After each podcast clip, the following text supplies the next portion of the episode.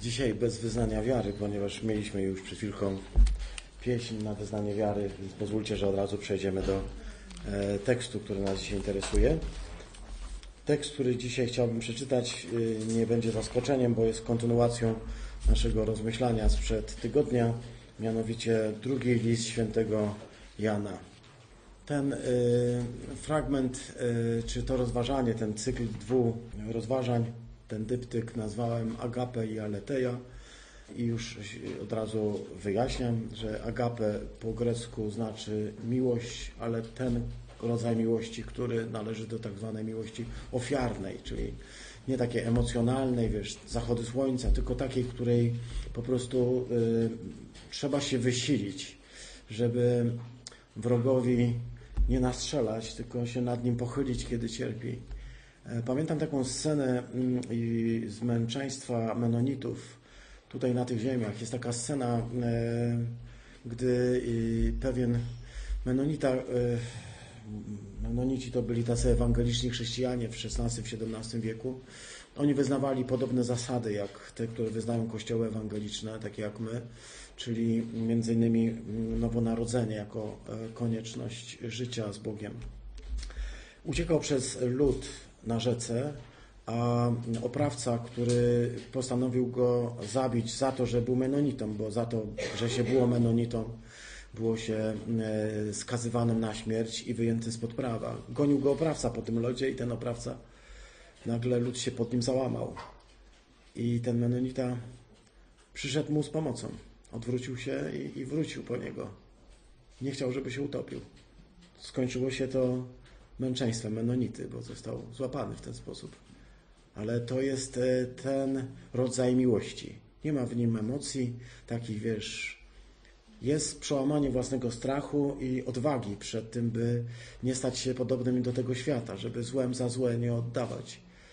E, bo to nie ktoś z nas powiedział, ale to święty Paweł. E, zło dobrem. Zwyciężaj.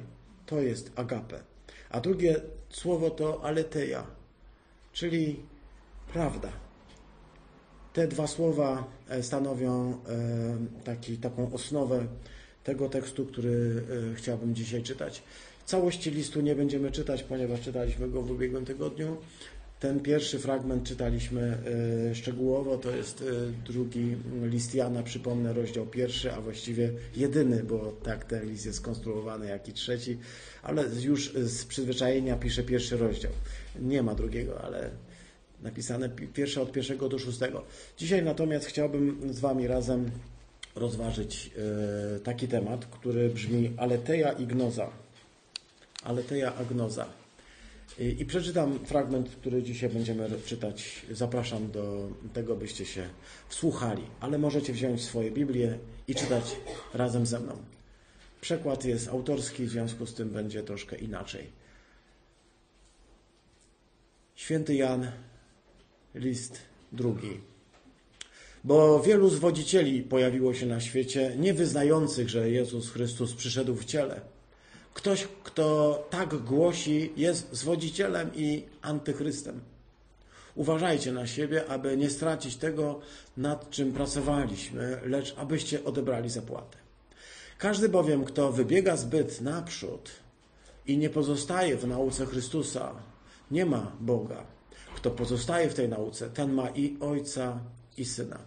Kto przychodzi do Was i nie przynosi tej nauki, tego nie przyjmujcie do domu, i nawet go nie pozdrawiajcie. Pozdrawiając go bowiem stajecie się uczestnikami jego złych dzieł. Wiele miałbym wam jeszcze do napisania, ale nie chcę tego czynić kartą i atramentem. Mam bowiem nadzieję być u was i osobiście wam opowiedzieć, aby nasza radość była pełna. Pozdrawiają cię dzieci twojej siostry, eklekty. Amen. Pobłogosław nas, Ojcze Wszechmogący, kiedy pochylamy się nad Twoim Słowem. Chcemy to słowo przyjąć jak najbardziej poważnie. Chcemy z szacunkiem słuchać Twojego słowa. I to, co Ty do nas mówisz dzisiaj, Ojcze, tym się przejąć. Zaufać Tobie i być gotowy na metanoję, na zmianę sposobu myślenia, na to, by się nawrócić. ze własnego sposobu patrzenia, z własnej teologii, z własnych koncepcji, z własnych myśli na to, co Ty mówisz. A wiem, że Twoje myśli są inne niż nasze i Twoje drogi są wyższe niż nasze. Nie chcemy Cię sprowadzić do nas. Chcemy, abyś nauczył nas chodzić Twoimi ścieżkami. Tak nam dopomóż, Panie. Amen. Może zaczniemy od takiego krótkiego yy, przeanalizowania tego tekstu. Mam bowiem taką tendencję, że potem skupię się na jakimś wątku i całości nie zdążymy obejrzeć. Yy, popatrzmy się na ten tekst, on jest naprawdę moim zdaniem cudowny. Yy, zapraszam Was, siostry i bracia, do tego, żebyście tak yy, śledzili ze mną te fragmenty. Mówi tutaj apostoł Jan, wielu zwodzicieli pojawiło się na świecie. Takich, którzy nie wyznają, że Jezus Mesjasz, Chrystus przyszedł w ciele. Kogoś takiego Jan nazywa zwodzicielem i antychrystusem. E, zwodziciel i antychryst. Na pewno będziemy musieli jeszcze e, przy okazji e, rozważania zwrócić uwagę na, na te pojęcia. Zwodziciel i antychryst. Dalej mówi bardzo ważne, bo na siódmym wierszu się zasadniczo skupimy dzisiaj. Dalej w ósmym wierszu czytamy: Uważajcie na siebie, uważajcie, ponieważ pracujecie. Y, my też nad Wami pracujemy. Y, ta duchowa praca, którą wykonujemy w kościołach, ta służba, którą robimy przez głoszenie słowa, ta praca, która jest taka ulotna, bo przecież mówienie kazań jest najbardziej ulotną formą chyba pracy, jaką można sobie wyobrazić. Gadanie. A jednocześnie praca, która wiąże się ze łzami, z troską, z zaangażowaniem. To nie jest tylko Twoja i moja sprawa prywatna, to jest praca wielu ludzi. To jest praca apostoła Jana, który ten list napisał, to jest praca Kościoła, to jest wysiłek wielu ludzi, którzy usługuje nie tylko tutaj w czasie kazania, także w ciągu całego nabożeństwa, w ciągu całego Twojego chrześcijańskiego tygodnia, chrześcijańskiego miesiąca i Twojego chrześcijańskiego życia. Tak wielu ludzi się składa na to, by można było wreszcie powiedzieć, wspólnie razem idziemy do przodu i każdy z nas idzie do przodu. Pamiętam takie zdjęcie, myślę, że Ty, ty też, Szymona, który kiedyś e, zrobił sobie takie zdjęcie, które składało się z bardzo wielu zdjęć różnych ludzi. Pamiętacie może? Mnie zawsze inspirowało to zdjęcie. I tam było napisane e, dzięki nim jestem tym, kim jestem. Ja myślę sobie, że to jest coś takiego. Ten Kościół, każdy z nas, ja również, jestem tym, kim jestem dzięki Wam. Dlatego tutaj fajnie, bardzo się cieszę, że Jan mówi, e, pracowaliśmy, tak? E, uważajcie na siebie, aby nie stracić tego, nad czym pracowaliśmy. Nie tylko nad tym, abyście nie stracili nad tym, nad czym pracowaliście, ale żebyśmy nie stracili tego, nad czym wszyscy pracujemy.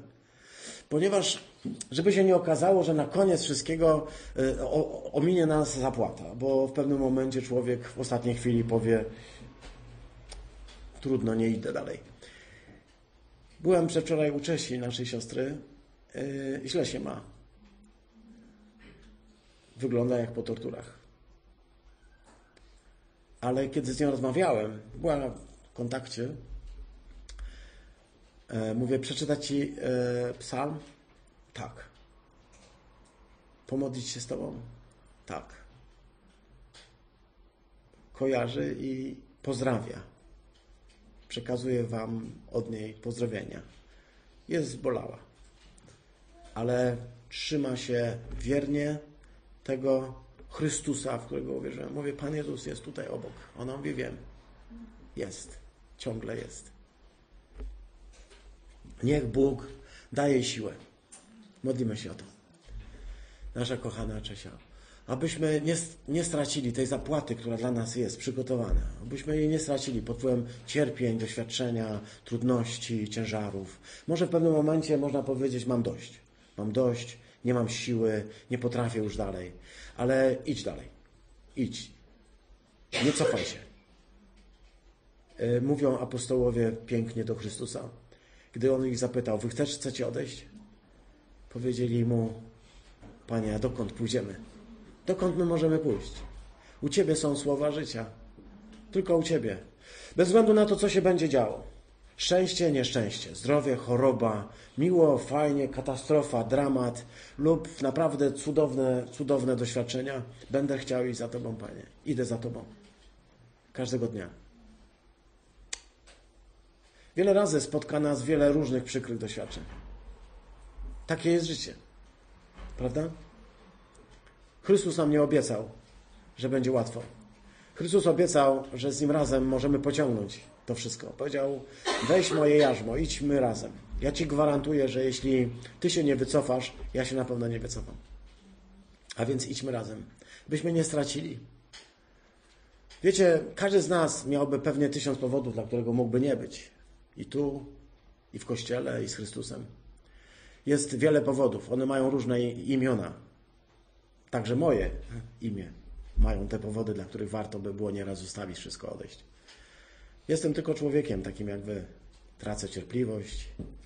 E, wcale nie jestem jakiś e, wystarczająco duchowy, jakbym sobie życzył. Jestem zwykłym człowiekiem, który potrafi zranić i potrafi komuś bardzo przykro coś powiedzieć. I nie, niektórzy z Was tego doświadczyli. Powiedzcie amen, jak to prawda.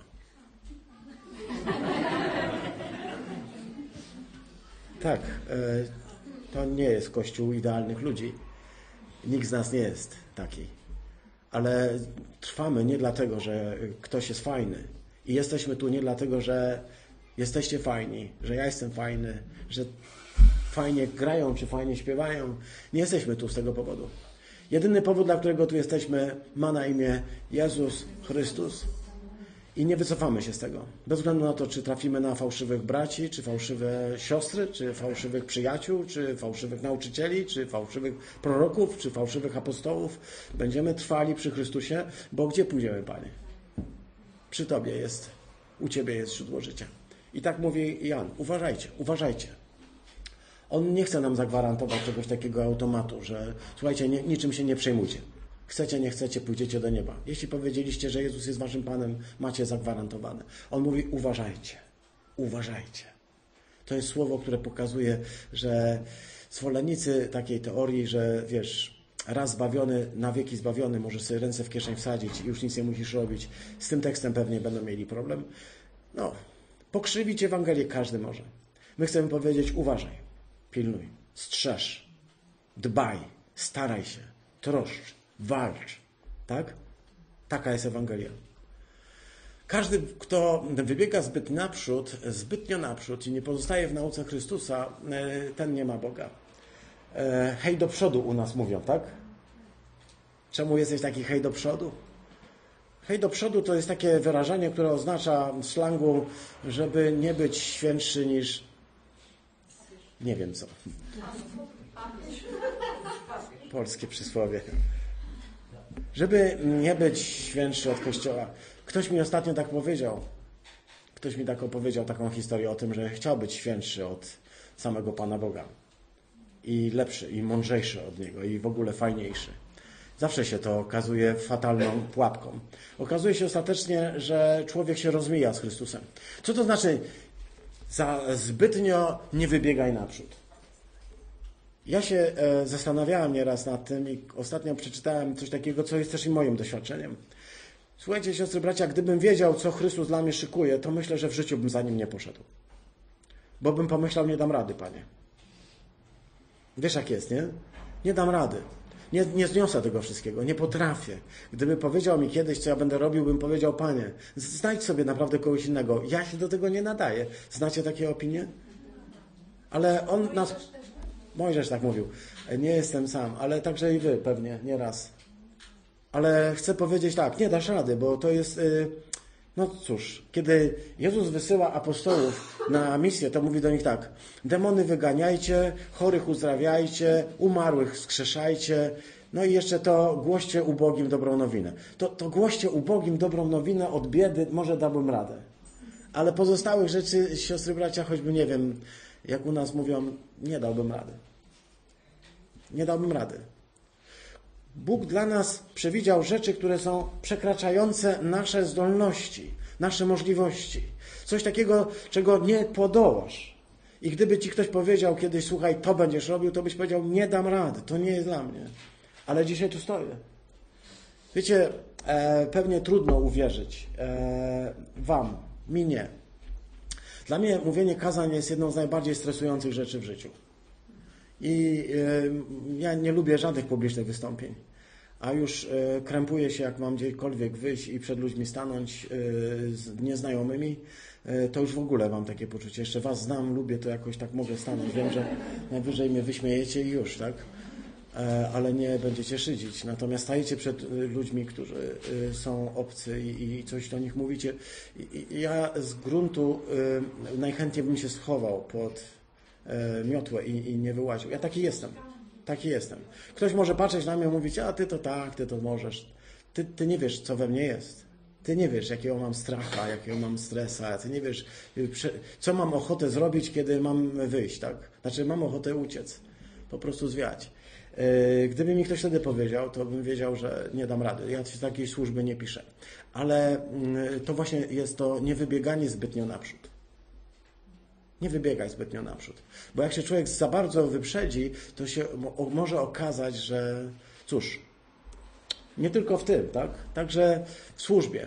Wiesz, jak ty jesteś, ty jesteś, ty byłbyś zbyt taki do przodu, hej, to wszyscy są od ciebie znacznie gorsi. I wtedy masz takie poczucie, taki, jesteś taki, wiesz, samotność takiego długodystansowca.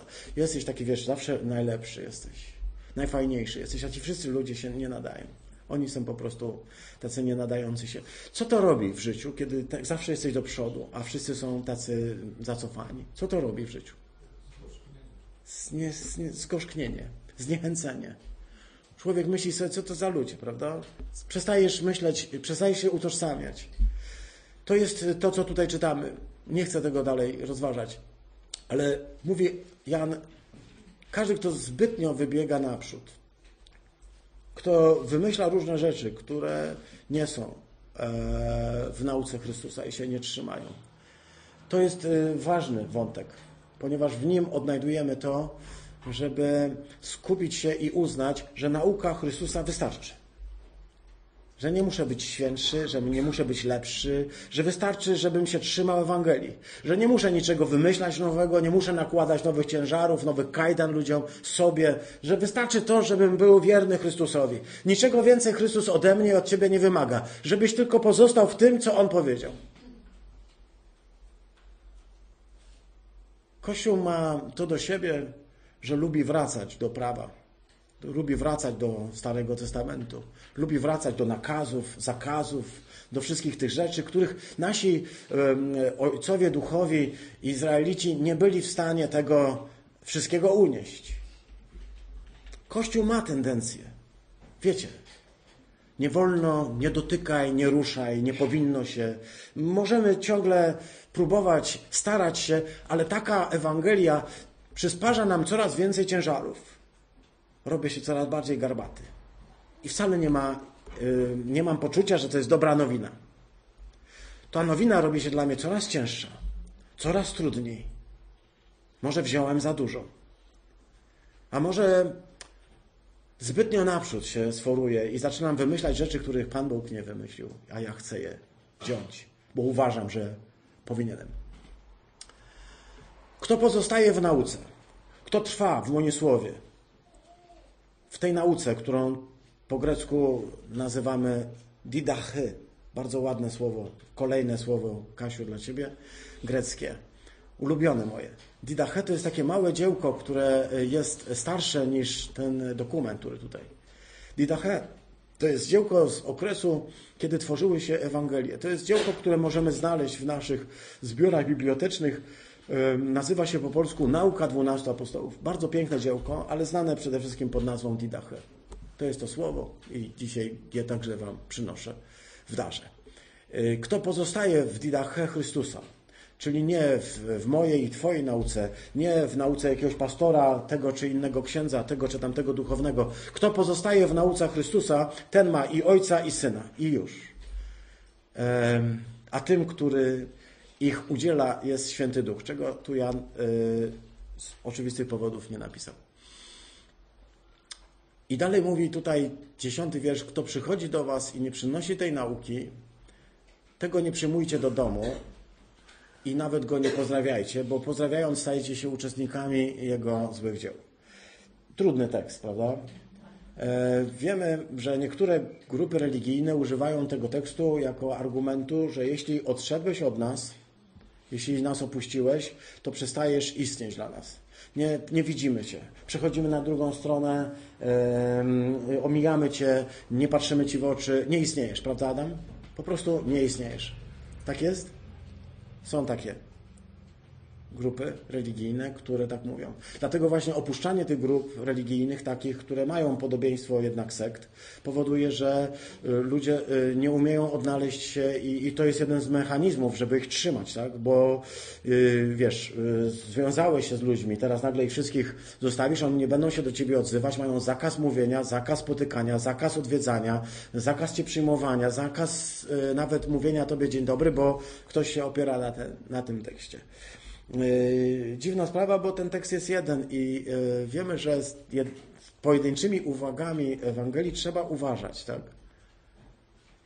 Ten tekst yy, mówi przede wszystkim o tym, by nie przyjmować do domu. Ja myślę sobie, siostry bracia, wybaczcie za takie skrzywienie naukowo, dydaktyczne i poświęciłem temu e, kilka lat swojej pracy, by zobaczyć, że wczesny Kościół to był Kościół gromadzący się w domach, że nie było specjalnych kaplic, tak jak dzisiaj mamy, specjalnych miejsc, a więc to nie, nie przyjmujcie go do domu, nie oznacza e, też ni mniej, ni więcej jak to, żeby nie przyjmować go do domu, w którym się gromadzi Kościół żeby go mm, w ten sposób w tym kościele nie traktować y, jak kogoś, kto ma te same prawa jak pozostali. Żeby go tutaj mm, afirmować, żeby go tutaj przyjmować i mówić, wszystko jest w porządku, jesteśmy zgodni. Kogoś takiego, kto głosi zupełnie odmienną naukę, o której jeszcze powiemy, nie możemy traktować jak współbrata i pozwolić mu tu głosić, pozwolić tu mówić i traktować go jak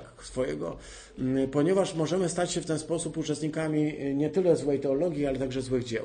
Podkreślałem to i tydzień temu. Za złą teologią idzie zła etyka. Za złą teologią idą złe dzieła.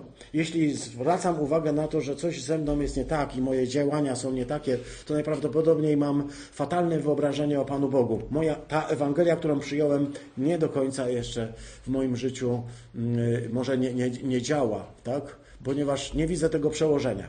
Wiemy, mówił, mówił o tym Jan w trzecim liście, prawda? Jak się poznaje dobrą teologię? Po tym, że ktoś ma e, wypisane tysiąc fragmentów Biblii i wszystko może uzasadnić Biblią? Jak się poznaje dobrą teologię? Jest jeden um, test. Tak. Po uczynkach. Drzewo poznaje się po owocach. Chrześcijana, chrześcijanina poznaje się po uczynkach. Jeśli e, pełnisz E, uczynki miłości, to je widać. I bez względu na to, jak będziesz głosił niezwykle, niezwykłe rzeczy, a będzie widać, w jaki sposób traktujesz swoich bliskich, swoich przyjaciół, swój kościół, swoją rodzinę, ale także jak traktujesz nieprzyjaciół, jak traktujesz pracę, jak traktujesz podatki, jak traktujesz państwo, bo po tym wszystkim widać. Bo to są owoce. Chrześcijanin Bogu dzięki nie jest e, znany po tym, e, jak ładnie mówi, czy jak ładnie śpiewa, tylko po owocach. Boże, spraw, byśmy mogli wydawać owoc. Abyśmy nie byli tylko pięknie szumiącymi na e, wietrze zielonymi liśćmi, ale żebyśmy przynieśli Ci owoc taki, który będzie dobry. I nie tylko Tobie, wszystkim ludziom. Po tym poznają ludzie, że jesteśmy Kościołem i że Bóg żyje, gdy będziemy potrafili te owoce tym ludziom ofiarować. Tak? I mówi o tym pięknie tutaj ten tekst. A więc za złą teologią idzie zawsze zła etyka. Idzie etyka, w której mm, kimś pogardzamy, kogoś nie szanujemy. Wiecie, mm, może dzisiaj jest tego bardzo dużo ze względu na mm, dostępność y, wszystkich środków masowego przekazu. Tak? a więc głównie tych y, koncepcji facebookowych chrześcijan, chrześcijan facebookowych, takich, którzy potrafią wszystko powiedzieć, wszystkich okpić, wszystkich wyszydzić i wiedzieć najlepiej. Takie chrześcijaństwo jest obrzydliwe, bo ono nie wnosi niczego dobrego, ono nie rodzi dobrych owoców. A nawet ci, którzy je krytykują i tych, którzy krytykują, też nie, nie, niczego dobrego nie wnoszą. Może mniej czasu spędzajmy przy komputerach, mniej czasu przy Facebookach, mniej czasu na wymądrzaniu, a więcej na tym, by pomóc sąsiadowi. A propos mojego sąsiada. walczy. Przyszedł. Powiedział ratunku. Wrócił z powrotem na ścieżkę. Jego adres teraz to ulica Sanatoryjna we Fromborku. Wrócił. Bogu niech będą dzięki. Patrzyłem na niego tydzień temu i myślałem sobie, że z niego nic nie będzie. Kiedy e, kończył, e, kończył ten list tak jak e, trzeci. Wiele miałbym wam do opisania, ale póki co nie chcę tego robić. Może dlatego, że mu się kartka kończyła, bo takie te listy mniej więcej były tej długości jak jedna karta. Więc po prostu mówi tak, już nie będę następnego tematu rozpoczynał. Po co? Przyjadę, pogadamy, będzie fajnie. I zamyka to wszystko takim e, zdecydowanym pozdrowieniem dla Twojej dzieci, dla dzieci Twojej siostry, eklekty, czyli dla dzieci e, wybranej e, pani.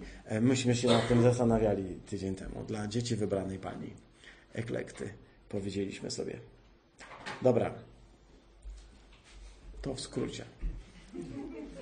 Dacie mi czas jeszcze na ten siódmy wiersz?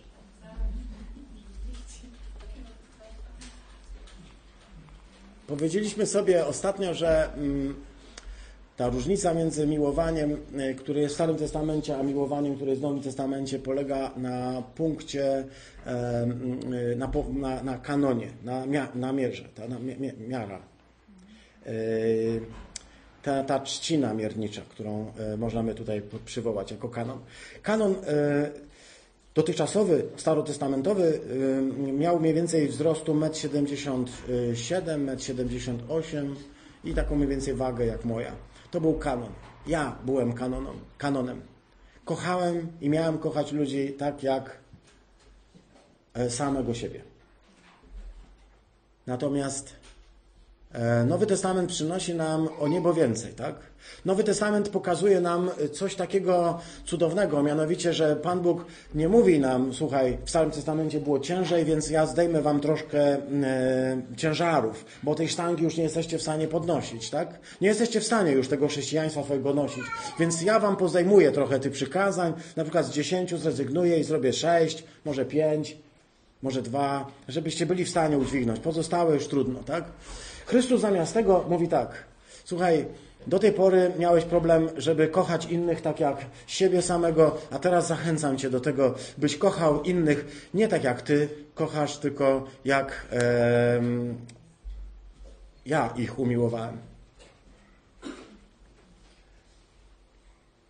Myślę sobie, że będziemy mogli tak poszaleć jeszcze z naszym komputerkiem. Tu przykazanie nowe daję Wam, abyście się wzajemnie miłowali, jak ja Was umiłowałem abyście się miłowali nawzajem. I potem wszyscy ludzie poznają, że jesteście moimi uczniami. Potem wszyscy ludzie będą wiedzieć, że Bóg jest żywy, kiedy taką miłość wzajemną będziecie mieli jedni do drugich. I to jest wszystko. To jest całe centrum chrześcijaństwa, prawda? Wszystko inne do tego służy. Służą do tego spotkania modlitewne, służą do tego nasze nabożeństwa, służą do tego czytanie Słowa Bożego, służy do tego wspólne śpiewanie, służy do tego to, że się nawzajem zachęcamy, abyśmy ostatecznie wydali taki owoc, żebyśmy się wzajemnie miłowali, bo po tym świat pozna i nie po niczym innym. Świat nie potrzebuje dzisiaj, żebyśmy e, zapełnili go większą ilością muzyki, większą ilością chrześcijańskich filmów. Świat nie potrzebuje dzisiaj nauczycieli. Dzisiaj świat potrzebuje świadków. Świadków Pana Boga. Dzisiaj świat potrzebuje ludzi, którzy będą mogli powiedzieć: Pan Bóg żyje, ponieważ mnie zmienił. I za to Bogu niech będą dzięki. Nie chcę mówić, że Pan Bóg żyje dlatego tylko, że mnie zmienił, bo Pan Bóg będzie żył bez względu na to, czy ja będę zmieniony, czy nie. Ale żeby ludzie mogli zobaczyć, że rzeczywiście Bóg żyje, moje życie do tego służy. Jest w, w Biblii są cztery Ewangelie. A ty, kochany bracie i siostro, jesteś piątą Ewangelię, Ewangelią. Ludzie nie czytają Ewangelii. Ludzie nie czytają Pisma Świętego, ale mogą czytać swoje życie. Mogą zobaczyć, że ty jesteś chodzącą Ewangelią. Chcesz być? Chcesz być chodzącą Ewangelią? Chcesz? Bo myślę, że każdy z nas ma to pragnienie. Wołajmy, aby ludzie poznali, że się wzajemnie miłujemy, bo inaczej nikogo nie przekonamy. Nie potrzebuje świat więcej, nauczy, więcej i większej ilości nauczycieli. Nie potrzebuje świat większej ilości muzyki. Świat potrzebuje dzisiaj świadków miłości Chrystusa. Świadków, którzy będą świadczyli o tym, że Bóg żyje, ponieważ zmienił moje życie. Yy, gdy się zastanawiamy nad aleteją, to chcę powiedzieć, e, prawo przykazania przyniósł światu Mojżesz. To on, jako doskonały sługa Pana Boga, ale sługa. Sługa, nie syn. Sługa. Przyniósł i pokazał, kim jest Pan Bóg, pokazał, jak jest święty i pokazał, czego Pan Bóg wymaga od człowieka, by człowiek mógł żyć.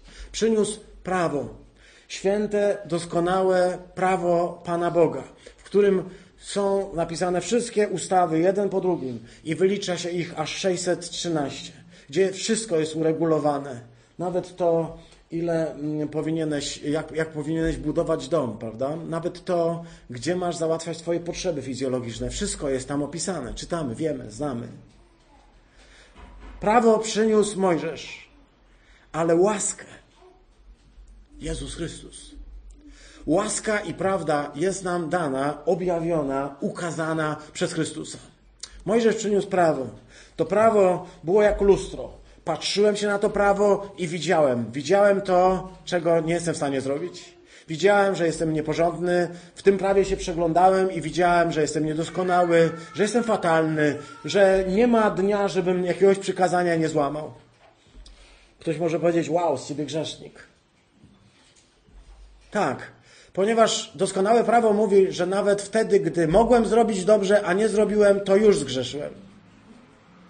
Nawet jeśli mogłem zrobić coś dobrego, a nie zrobiłem, to już zgrzeszyłem. Tak mówi prawo. Ile takich grzechów popełniamy codziennie? Prawo zostało dane przez Mojżesza. Czytałem je i znałem. Znałem też tego, który za tym prawem stał. Surowy Bóg, który będzie mnie rozliczał. I nie było dla mnie nadziei. Aż przyszedł Jezus Chrystus, który objawił inną twarz Ojca. To jest ta sama twarz. Ale inaczej Boga widzi sługa, a inaczej widzi syn. Rozumiesz? Inaczej widzisz, jak jesteś sługą i niewolnikiem. On jest tylko Twoim Panem, boisz się Go, ale kiedy przychodzi syn i zaczyna opowiadać o swoim ojcu, o tacie, o tym, z którym spędził całą wieczność, on wie najlepiej, jaki on jest. On pokazuje jego życzliwość i łaskę. Pokazuje prawdę o nim. Czy Mojżesz nie pokazał prawdy o Bogu? Pokazał. Ale prawdę, która nie pozwalała mi się zmienić, jak lustro, które nie zmieni mnie. Może mi tylko pokazać, kim jestem. Może tylko spowodować, że już nie mam siły więcej, e, bo widzę ciągle, że jakbym się nie oczyścił, tak i tak jestem brudny i ciągle coś ze mną jest nie tak. Ale przychodzi Chrystus, który okazuje mi łaskę, która, który powoduje, że nie staje nade mną i nie mówi jeszcze to musisz, jeszcze to musisz, a dlaczego tego nie zrobiłeś, a czemu to, a czemu tamto, tylko mówi synu. Bóg Ciebie umiłował. Uwierz. Przyjmij mnie.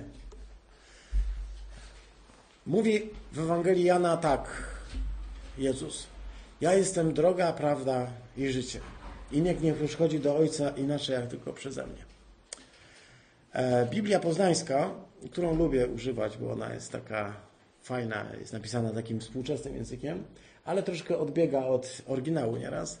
Użyję tego e, sformułowania inaczej. E, bardzo mi się podoba. I może ono nie jest zgodne z zasadami egzegezy, to jednak brzmi fajnie. Jezus mówi: Ja jestem prawdziwą drogą do życia. Oczywiście, prawda, droga, życie to jest poprawna e, wersja, brzmienie tego tłumaczenia, bo tam są same rzeczowniki. Chodos, aleteia i dze. To są rzeczowniki. Prawdziwa droga do życia to jest już e, inna formuła e, greckiej gramatyki. Ale ona, ta, ta, ta wersja, o tyle mi się podoba, ona doskonale pokazuje, co przynosi Jezus. Jezus nie jest tylko jakąś drogą, nie jest jakąś prawdą i jakimś życiem, ale On jest prawdziwą drogą do życia. We współczesnym świecie, w którym jest tak wiele dróg, i tak wiele ludzi, i tak wielu nauczycieli, i tak wiele guru, i tak wielu przemądrzałych, każdy z nich, każda religia ma swoją wizję. My chcemy powiedzieć tak, nie ma innej drogi do życia jak Jezus Chrystus. I wiecie, że kiedy będziecie w to wierzyć, to to otwierać będzie wasze życie. Ale jednocześnie, kiedy będziecie to wyznawać, to będzie strasznie komplikować wasze życie. Będziecie uznawani za nietolerancyjnych, za fanatyków, za ciemny grot, za, za, różne fatalne rzeczy. Kiedy będziecie mówić, że nie ma innej drogi do Boga, jak tylko Jezus, który jest prawdziwą drogą do życia. Wszystkie inne też są drogami, ale nie prowadzącymi do życia. Wierzysz w to? I wreszcie tekst, który mm, zwrócił moją uwagę, gdy pisałem pewien artykuł na temat Aletei, kilka lat temu, e, Efezjan 4, 20, 21. Jezus, e, Paweł mówi tak, to jest taki ciąg, więc wyrywamy te zdanie teraz z kontekstu, wybaczcie, tak nie lubię tak robić, ale nie będziemy przecież omawiać każdego tekstu z pełnym kontekstem, bo by nam to... Mówi Paweł, wy zaś nie tak, jak tamci. Nauczyliście się Chrystusa, jeśli go rzeczywiście usłyszeliście, tutaj Paweł nie, nie zakłada, że, że słyszymy. Mówi tak, i ja dzisiaj też chcę to powiedzieć, i mówię to w pierwszej kolejności do siebie, nie do ciebie. Mówię to do siebie. Yy, usłyszeliśmy Chrystusa, ale Paweł mówi, ale czy rzeczywiście Jego usłyszeliśmy? My możemy mówić, słyszymy Cię, Panie Jezu. A Paweł mówi, ale jeśli rzeczywiście Go usłyszeliście, i jeśli rzeczywiście usłyszeliście Chrystusa i daliście się w Nim pouczyć, ponieważ albo zgodnie z tym, że prawda jest w Jezusie. Chciałbym powiedzieć, że to jest chyba jedno z najpiękniejszych zdań, a szczególnie końcówka. Ale teja en to Jezu. Ale teja en to Jezu. Stare rzymskie przysłowie mówiło in vino veritas, czyli w winie prawda. Wiecie, na czym to polega, nie? Że alkoholik po prostu jak wypije, to ci prawdę, znaczy ktoś, kto się napije, nie alkoholik. Ktoś, kto wypije za dużo, to ci prawdę powie. To raz ja ci powiem prawdę, co, co sobie myślę. Yy, prawda, która pojawia się pod wpływem spożycia nadmiernej ilości alkoholu. In vino veritas. Tak mówi przysłowie łacińskie. E, nie. My chcemy powiedzieć, że prawda jest w Jezusie. Oczywiście chcielibyśmy powiedzieć e, w ten sposób, że prawda jest e, w tym kościele. Prawda jest e, wśród nas. Prawda jest tutaj. Tak się rodzą właśnie fanatyzmy, tak się rodzą nasze przekonania o naszej wyższości nad wszystkimi innymi. Ale co tutaj Paweł mówi? Czy to jest prawda, że on mówi, wy jesteście najmądrzejsi i tylko wy znacie prawdę. Co on mówi? Że prawda jest tylko i wyłącznie w Chrystusie. I może być w Tobie o tyle, o ile Ty jesteś w Nim. O ile rzeczywiście Go usłyszałeś, o ile rzeczywiście dałeś się pouczyć, a nie tylko, że po prostu jesteś w Kościele. Jeśli rzeczywiście dałeś się pouczyć, jeśli rzeczywiście go usłyszałeś, to może być tak, że prawda jest też e, w Tobie. O ile Chrystus mieszka w Tobie. E, jest taka funkcja, którą nazwałem wyzwoleńczą funkcją prawdy, bez sensu zupełnie, ale jak przygotowywuję te slajdy, to zawsze coś głupiego muszę wymyśleć. Wyzwoleńcza funkcja prawdy. Bez sensu. Człowieku, kazanie masz. Nie mówisz teraz do studentów. Wyzwoleńcza funkcja prawdy. Ewangelii Jana w ósmym rozdziale Jezus prowadzi dialog z Żydami. Ale nie tylko z Żydami, takimi, którzy są Żydami. On teraz zaczyna mówić do tych Żydów, y, dokładnie Judajus, tak jest powiedziane, E, już zaczyna się w nauce, zaczyna się y, używać tego judajus albo judajoi coraz częściej, ale też przechodzi to do zborów. żeby nie mówić Żydzi, bo to nie zawsze oznacza to samo, tak? A zostawiam kwestię, tylko zaznaczam. Y, mówił więc Jezus do Żydów, którzy uwierzyli, a więc nie do wszystkich Żydów, nie do przeciwników, nie do ludzi, którzy patrzą i słuchają i myślą sobie, mm, kto to jest, ale do tych, którzy Jemu uwierzyli, którzy uwierzyli w to, co mówi, którzy uwierzyli w to, kim jest. Do nich powiedział tak: Jeśli pozostaniecie w, w słowie moim rzeczywiście, to jest właśnie aletos, przysłówek bodajże. Jeśli pozostaniecie w moim słowie rzeczywiście, będziecie moimi uczniami. Jeśli pozostaniecie, siostry, bracia, nie dajmy sobie zrobić yy, yy, krzywdy, gdy przychodzą ludzie i mówią, że wystarczy powiedzieć zdanie, już jesteś chrześcijanin i z tobą wszystko jest dobrze. Jezus tego nie uczył. Jezus powiedział: Jeśli rzeczywiście uwierzyłeś, to będziesz chciał pozostać w moim słowie. A jeśli pozostaniecie rzeczywiście w słowie, które ja wam mówię, wtedy będziecie moimi uczniami. I to, co jest najciekawsze, wtedy poznacie tę prawdę, a ta prawda was wyzwoli. Zobaczcie, że tutaj widzimy pewne stopniowanie, że to nie jest tak, że wiesz, jak to nieraz wygląda, że co mam zrobić, żeby, e, nie wiem, być zbawionym. To powiedz tylko jakąś formułkę i już jesteś zbawiony. I teraz cokolwiek by się nie zdarzyło, jesteś zbawiony, zaklepany, berek i teraz już ty jesteś wolny. Rozumiesz? To nie jest Ewangelia Jezusa Chrystusa, to są zabawy w ciociu babkę. To są niefajne rzeczy. Ewangelia brzmi tak. Najpierw trzeba mu uwierzyć, potem czytamy pozostać w Jego Słowie, trwać w Jego Słowie, ale trwać w Nim jak? Rzeczywiście. Nie pozornie.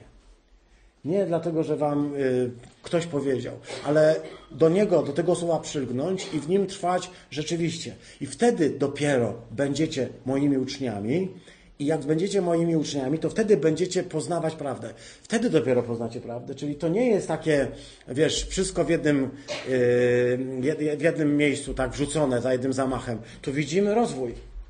Dlatego nauczamy katechumenów, dlatego przygotowywujemy do chrztu, dlatego nauczamy dalej, ponieważ mówimy, że to nie tylko po prostu teraz, w tym momencie yy, i wszystko już jest zrobione.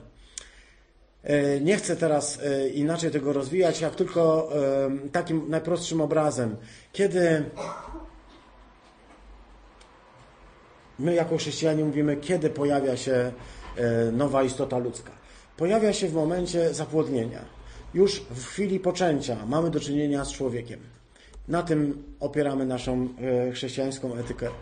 Ale chcemy też powiedzieć, że choć tam już w tym e, zarodku znajdują się wszystkie informacje dotyczące rozwoju tego dziecka, kształtu jego twarzy, jego koloru oczu, jego koloru włosów, a nawet jego inteligencji, to jednak potrzeba jeszcze długiego, długiego czasu, zanim ten, ten zarodeczek stanie się istotą, która będzie w stanie funkcjonować samodzielnie, która będzie mogła przyjść na świat, a potem przecież pozostawione dziecko pozostawione dziecko w, e, urodzone nie jest w stanie samo przeżyć. Są istoty, które mogą się urodzić i od razu żyć, same się karmić i, i, żyć niezależnie.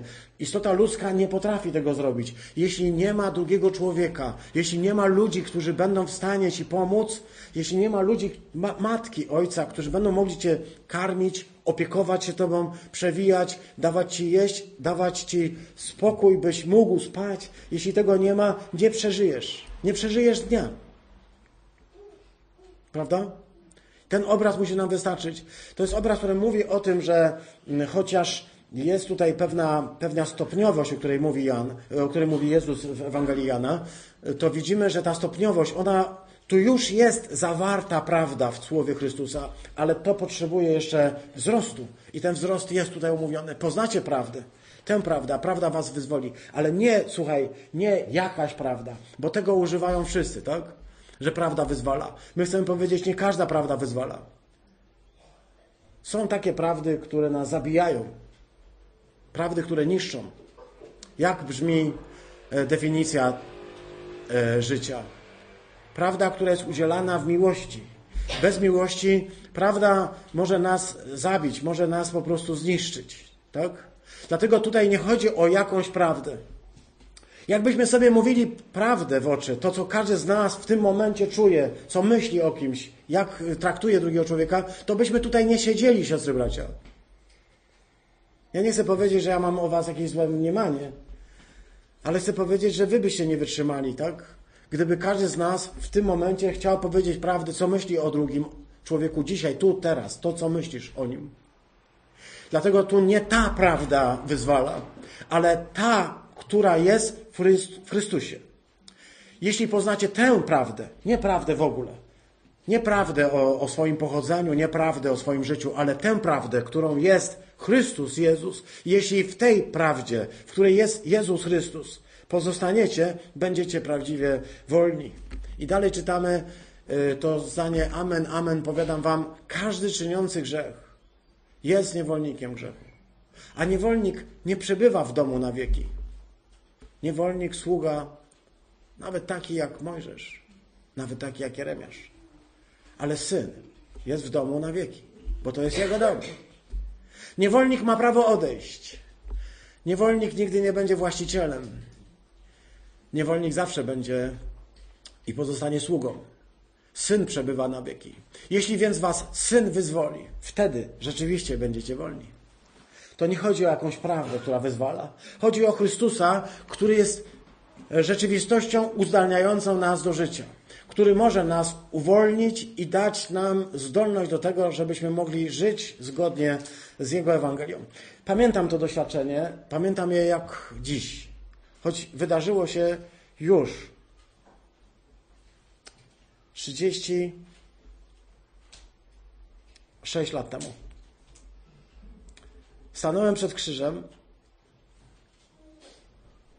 zrozumiałem, doszło do mnie, walnął wtedy, jakbym po prostu pierwszy raz w ogóle Ewangelię czytał, że to ja powinienem zawisnąć na tym krzyżu.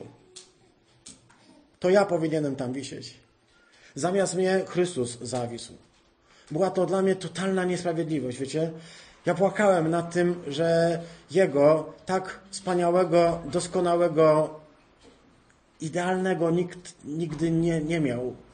A to Jego ukarano za mój grzech. Uznałem to za niesprawiedliwość wielką. Ja powinienem tam wisieć, Panie. Ale kiedy zacząłem do Niego wołać i doszło do mnie to, jak bardzo mnie ubiłował i że to zrobił za mnie, pamiętam, że nie byłem w stanie dalej iść. Że mogłem tylko uklęknąć i po prostu ryczałem jak bubr nad swoimi grzechami, nad Jego miłością. Ale powiem też, że nie umiem tego wytłumaczyć, ale to jest to doświadczenie, które mówi, jeśli was syn wyzwoli, wtedy naprawdę jesteście wolni. Wolność, wolność, która nie polega na tym, że jestem, wiesz, e, w jakichś kajdanach. Wolność, która jest wolnością od grzechu, od przywiązania do grzechu, od konieczności grzechu. Wreszcie nie muszę grzeszyć. Wiesz, że to jest najwspanialsza ulga, jakiej może człowiek doświadczyć w życiu? Nie ma większej wolności nad to, że już nie musisz grzeszyć. Że nie musisz być tym, kim byłeś. Że nie musisz już dać się wiązać grzechowi i chodzić za nim na smyczy. Że już cię nie przywiązuje do tej budy i nie musisz do niej wracać z powrotem, ale że jesteś wolny, że możesz iść. Już nie musisz odpłacać złem za złe. Już nie musisz kraść. Już nie musisz robić różnych strasznych rzeczy, których się wstydzisz. Że wreszcie jesteś wolny. Ta wolność czyni ciebie najszczęśliwszym człowiekiem na świecie. Doświadczyłeś tego. Wiesz. Ta wolność. I na koniec może jeszcze się pomążę, bo wielu zwodzicieli pojawiło się na świecie. Takich, którzy nie wyznają, że Jezus przyszedł w ciele. Ktoś, kto tak głosi, jest i zwodzicielem, i antychrystem. Największym zagrożeniem wczesnego chrześcijaństwa, tego janowego chrześcijaństwa, była gnoza. Trudne słowo, ale znowu kolejne. Kasiu. Gnoza to jest po grecku wiedza. Wiedza. Poznanie. Gnoza, wiedza, poznanie. E, gnoza to jest pewien stan świadomości religijnej, które e, to oświecenie, które prowadzi do zbawienia. Taką gnozę, choć to teraz jest uproszczenie, a nawet przekrzywienie, e, o takiej gnozie mógł mówić na przykład Buddha, czyli oświecony. On doświadczył tej e, gnozy, tej wiedzy, dzięki której poznał ścieżkę życia i zrozumiał, na czym polega życie. Zbawienie, które jest efektem objawienia, oświecenia, wiedzy, poznania. Jak to brzmi, powiedzcie? Dobrze? Bardzo dobrze. Człowiek może doświadczyć zbawienia dzięki temu, że doświadczy objawienia, poznania i wiedzy. E, gdzie tu miejsce na krzyż i na Chrystusa? Gnostycyzm, e, który pochodzi ze wschodu, właśnie Zaratusztra, mazdaizm, a więc te kierunki, które są nam mało znane, ale jak pójdziecie na studia na religioznawstwo, to poznacie je doskonale. Zaratusztra, e, nauka mm, perska, ale też hellenistyczna misteria i żydowskie weszły do chrześcijaństwa na samym początku i chciały uczynić z chrześcijaństwa religię gnostyczną, czyli taką, w której człowiek musi być otwarty na poznanie. Bóg wlewa ci do serca wiedzę, daje ci poznanie, dzięki któremu ty z nieożywionego stałeś się żyjącym. To jest y, bardzo ładnie to brzmi. Ta, to doświadczenie, że to życie Boże, które znajduje się w Tobie, jest Bogiem. Twój, twój duch jest Bogiem. Jest boski. Jest Bogiem. Chcę się zapytać, siostry, bracia, to było zagrożenie, które pojawiło się na początku chrześcijaństwa i Jan przed nim ostrzega. Mówi o nim, że to są zwodziciele, którzy przychodzą, by powiedzieć, że Jezus nie musiał przyjść w ciele, nie musiał się urodzić jako człowiek, że On przyszedł w duchu tylko, bo istotą było to, by dać Ci pewne poznanie, byś y, miał wiedzę na temat zbawienia. Tymczasem Jan głosił to, co Kościół od początku i co dzisiaj głosimy. Mianowicie, że Chrystus przyszedł w ciele, że został zamęczony i dzięki Jego męce i Jego krzyżowi żyje. Żyje, ponieważ On umarł za mnie. Jestem uratowany dzięki Jego ranom, dzięki Jego sińcom, dzięki temu, że został przybity do drzewa i dzięki temu, że umarł. Umarł za moje grzechy. Żyje, dlatego, że On umarł a wierzę, dlatego że On powstał z martwych, że powstał, trzeciego dnia powstał z martwych i dlatego żyje i dzisiaj mogę powiedzieć wierzę. To jest podstawa chrześcijańska. Tak ogłosił Jan. Ale przyszli ludzie, którzy mówili, wiesz, nie potrzeba mieszać w to wszystko człowieka, bo zobacz, człowiek jest niedoskonały. Człowiek jest tylko fizycznością taką. Bleh to, co krytykuje Jan, ale nie tylko Jan. Byśmy zobaczyli Paweł w liście do Tymoteusza w pierwszym y, i w szóstym rozdziale, czy y, Jan w czwartym y, rozdziale swojego pierwszego listu, czy w Apokalipsie, czy wreszcie Piotr, czy Juda. Oni krytykują, krytykują pewne poglądy, pewne tematy, a konkretnie to, że są ludzie, którzy głoszą, że Jezus nie przyszedł w ciele, że wcale nie jest wcielonym Bogiem, że nie była potrzeba ani jego śmierci, że to wszystko jest pozorne. Jego ciało nie było fizyczne, jego ciało było jakieś eteryczne, niebiańskie. Nie mogłeś go zabić, nie mogłeś nic zrobić. Jezus nie przyszedł, by cierpieć za, za, za ludzi, nie przyszedł po to, by umrzeć, ale przyszedł po to, by wyjawić ci sekret życia. Stąd te Ewangelie Judasza, Tomasza. Jezus bierze na stronę apostoła, mówi: Ja ci wyjaśnię, o co chodzi w życiu. I wtedy będziesz wiedza, wiedział, będziesz gnostykiem. Będziesz miał poznanie. Y, nie, nie, nie muszę umrzeć. Męka i śmierć nie mają żadnego znaczenia dla gnostyków. Jezus umarł, tak, ale Chrystus nie. A może zamiast niego umarł Szymon z Cyreny, który niósł krzyż, a może zamiast niego umarł Judasz na tym krzyżu, jak mówi Ewangelia Barnaby na przykład, albo jeszcze ktoś inny. Jezus nie umarł, bo jeśli nawet umarł, to Chrystus nie umarł, bo ta iskra Boża nie może umrzeć. Ten Bóg nie może. I zaczynają głosić w ten sposób, że materia jest zła, a sama idea zmartwychwstania jest kompletną niedorzecznością. Czy to jest nasz Chrystus? Nie. Ale ten Chrystus jest dzisiaj tak zwiastowany. wiele, wielu ludzi się stara wyjaśnić nam, i tym kończę, to są różnego rodzaju popkultury, popgnostyckie poglądy. To są ludzie, którzy nam mówią, że skończcie z tym Jezusem. On już nikomu nic nie pomoże. Szukają jego grobu, szukają jego żony, szukają jego dzieci, szukają różnych rzeczy, żeby udowodnić, że on nie, nie żył albo że umarł, już nie żyje. My jako Kościół chcemy powiedzieć tak, jesteśmy i żyjemy. Zostaliśmy powołani przez Boga dlatego, że Jezus przyszedł w ciele, umarł i zmartwychwstał. Ale spotykamy się ciągle z ludźmi, którzy będą głosić odwrotnego Chrystusa. Paweł w liście do, do Koryntian, w drugim liście do Koryntian w 11 rozdziale napisze tak. Przyniosą wam inną Ewangelię, przyniosą wam innego Chrystusa, przyniosą wam innego ducha. Dlatego uważajcie. Jan nas ostrzega dzisiaj. Jan nas ostrzega, byśmy nie ulegli fałszywej Ewangelii. Uważajcie, abyśmy nie stracili tego, co nam zostało dane. Uważajcie. Siostry, bracia, jako Kościół nie musimy być e, ludźmi, którzy w kółko będą e, śledzić e, fałszywe nauki. Ja nie lubię tego. Nie chcę być detektywem, który sprawdza, który brat źle naucza, co naucza i tak dalej. Chcę uczyć e, Chrystusa, mówić o Chrystusie i wskazywać na Chrystusa, ponieważ wierzę, że prawda wyzwala. Nie będę tworzył jakichś śledztw, nie będę mówił, kto naucza dobrze czy źle, bo to nie jest moje powołanie. Ja mam głosić Chrystusa. Ale nie mogę być naiwny, ponieważ wielu zwodzicieli wyszło na świat. Są antychrystusami, są przeciwnikami, stoją na innym biegunie. Dzisiaj musimy powiedzieć tak.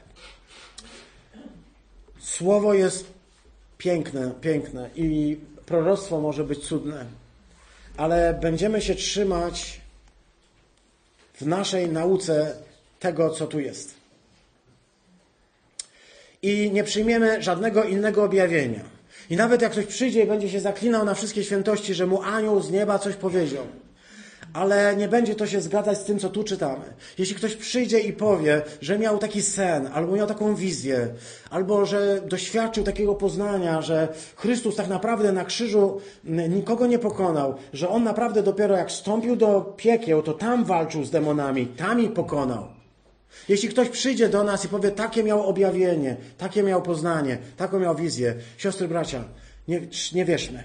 Trzymamy się tej klasycznej, podstawowej Ewangelii, że nasz Pan Jezus Chrystus jest Bogiem wcielonym, przyszedł w ciele, umarł za mój i Twój grzech, został ukrzyżowany, pogrzebany, a trzeciego dnia zmartwychwstał, wstąpił na niebiosa i siedzi po prawicy Ojca. Wiecie, to nie jest popularna Ewangelia. To jest stara Ewangelia. Ale to właśnie ona działa.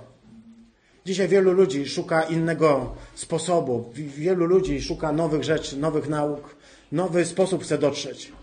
Ale jeśli głoszą coś, co wychodzi poza tę naukę, jeśli wyprzedzają i chcą być mądrzejsi, lepsi, świętsi, wspanialsi niż to, co tu jest napisane, nie wierzcie. Uwierzmy Janowi. Trzymajmy się tego. W ten sposób Kościół zachowa swoją tożsamość, jeśli będzie się trzymał słowa. Amen. Amen.